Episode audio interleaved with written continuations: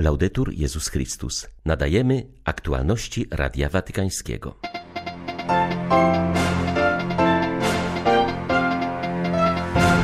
Zakończyła się papieska podróż apostolska do Iraku. Była to podróż najbardziej męcząca.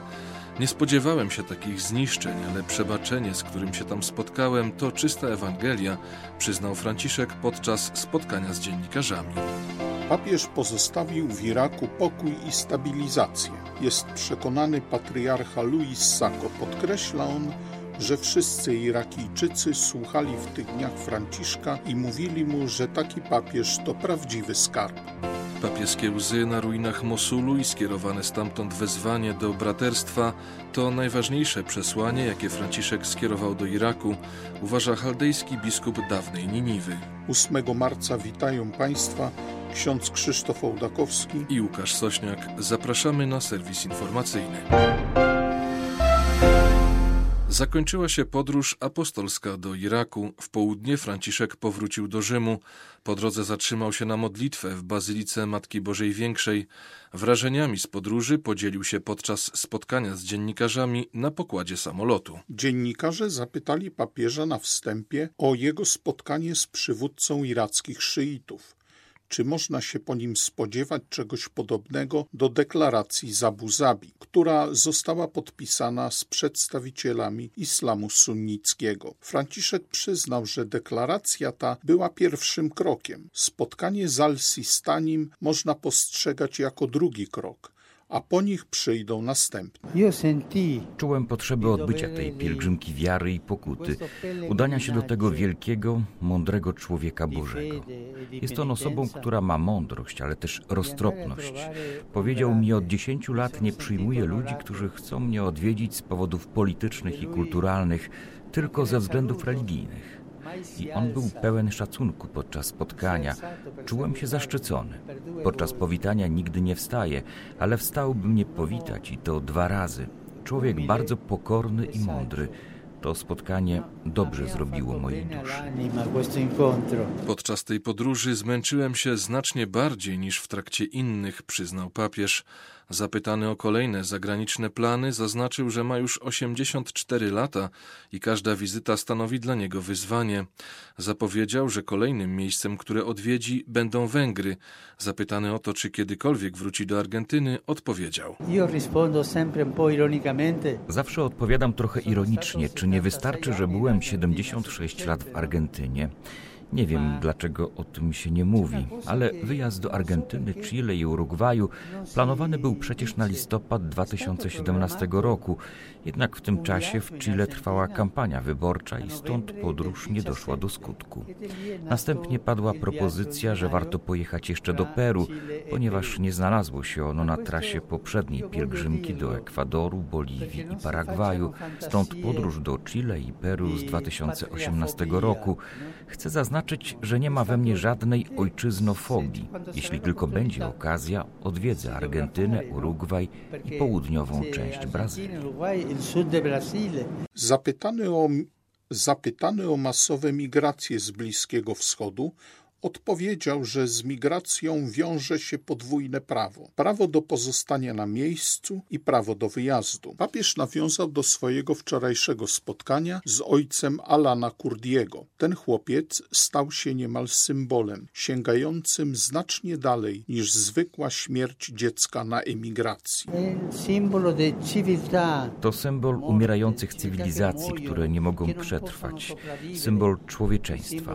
Potrzeba nam pilnego otwarcia możliwości, aby ludzie mieli zapewnioną pracę na miejscu i nie musieli migrować, ale także zapewnienia prawa do emigracji.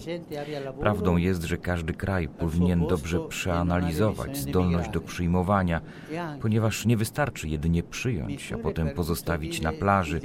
Oprócz tego ważne jest towarzyszenie, zapewnienie rozwoju oraz integracja. Integracja migranta jest oczywistym wymogiem.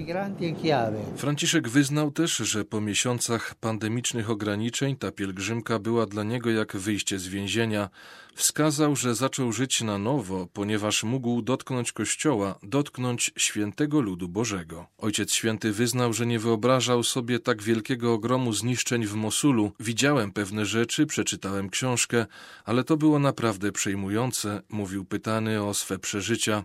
Wyznał, że w Karakosz poruszyło go świadectwo matki, której tak zwane państwo islamskie zabiło syna, a która mówiła o znaczeniu przebaczenia. Przebaczyć nieprzyjaciołom to jest czysta Ewangelia, mówił Franciszek. Dodał też, że oglądając ruiny Mosulu, brakowało mu słów, gdy stał przed zniszczonym kościołem. Aż trudno uwierzyć w tak przerażające ludzkie okrucieństwo. Ojca Świętego pytano też o rolę kobiet. Podkreślił, że zawsze w historii były one silniejsze od mężczyzn, wciąż są jednak także upokarzane i wykorzystywane. Franciszek nawiązał do cennika, który pokazano mu w drodze do Iraku. Były na nim ceny za kobiety, jakie wyznaczyli fundamentaliści z tzw. Tak państwa islamskiego, którzy sprzedawali chrześcijanki i jazytki na targu. Wyznał, że nie mógł w to uwierzyć, jednak, jak dodał, kobiety wciąż są sprzedawane i stają się niewolnicami nie tylko w Iraku. Nawet w centrum Rzymu walka z handlem ludźmi jest codziennością.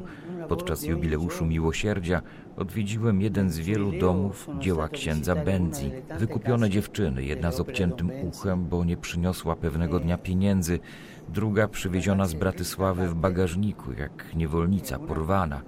Handel ludźmi dzieje się wśród nas. W wielu krajach, szczególnie afrykańskich, okaleczenie jest rytuałem, który musi być wykonany.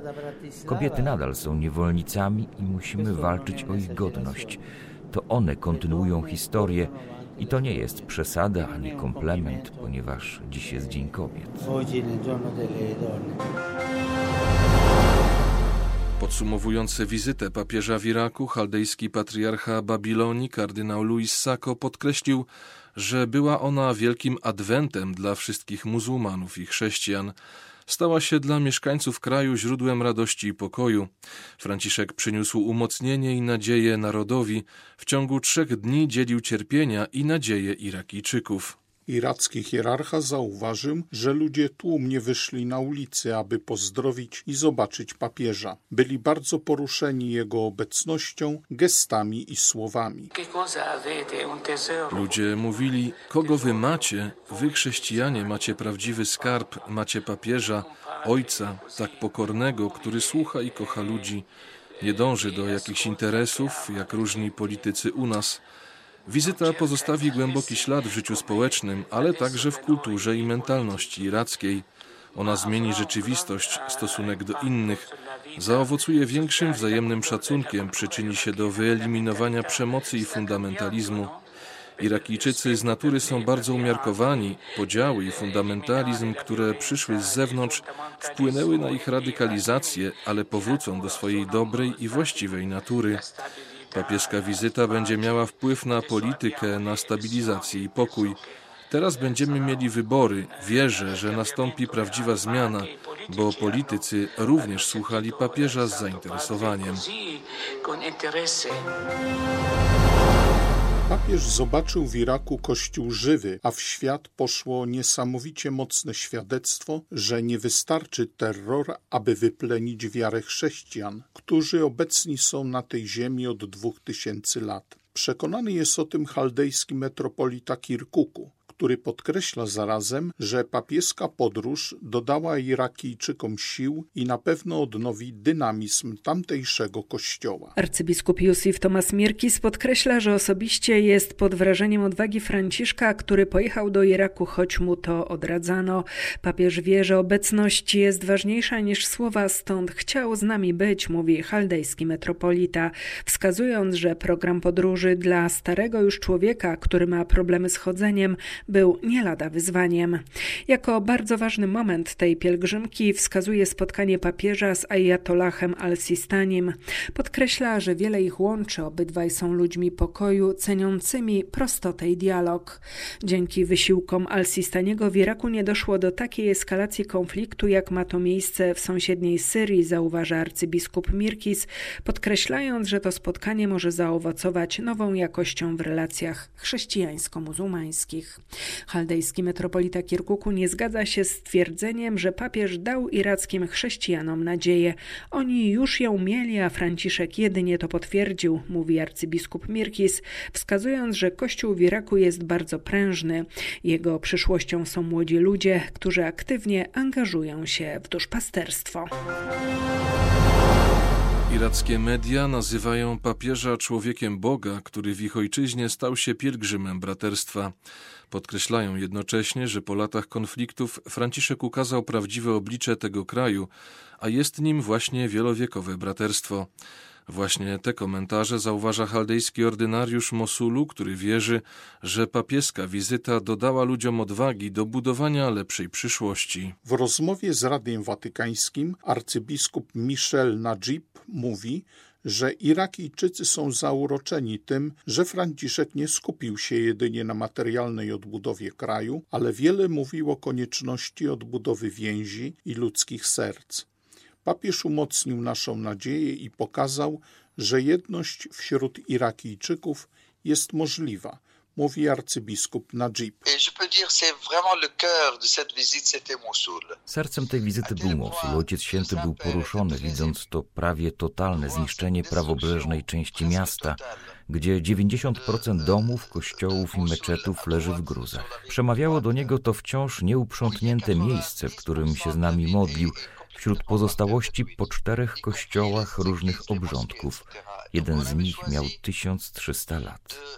Było to niezwykle symboliczne spotkanie. Pod krzyżem spalonym przez islamistów wyraziliśmy wolę budowania wspólnej przyszłości. Pragną tego zarówno chrześcijanie, jak i muzułmanie Mosulu. Papież był bardzo poruszony, w jego oczach widziałem łzy. Najważniejsze przesłanie, jakie popłynęło do Irakijczyków, a przez nich do całego świata. Jesteście braćmi. Braterstwo nie zna granic, nie zależy od kultury, koloru skóry, religii. Jesteśmy braćmi, braćmi w człowieczeństwie.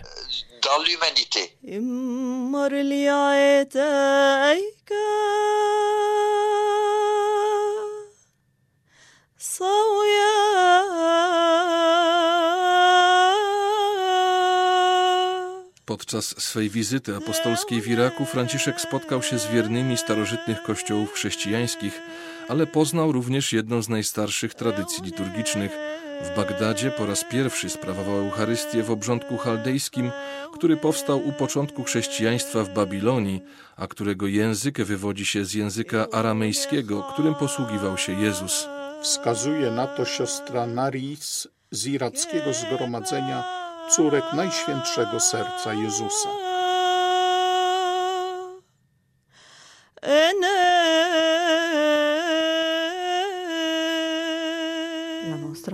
Nasza muzyka to wielki skarb, pochodzi z pierwszych wieków chrześcijaństwa.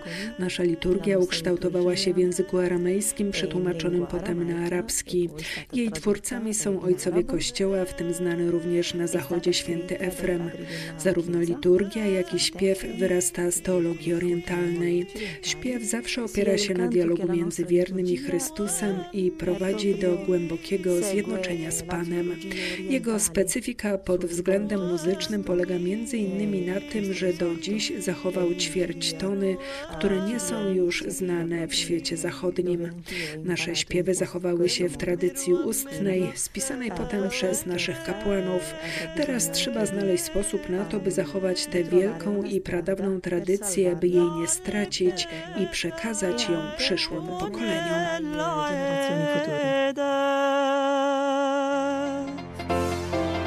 Były to aktualności Radia Watykańskiego. Laudetur Jezus Chrystus.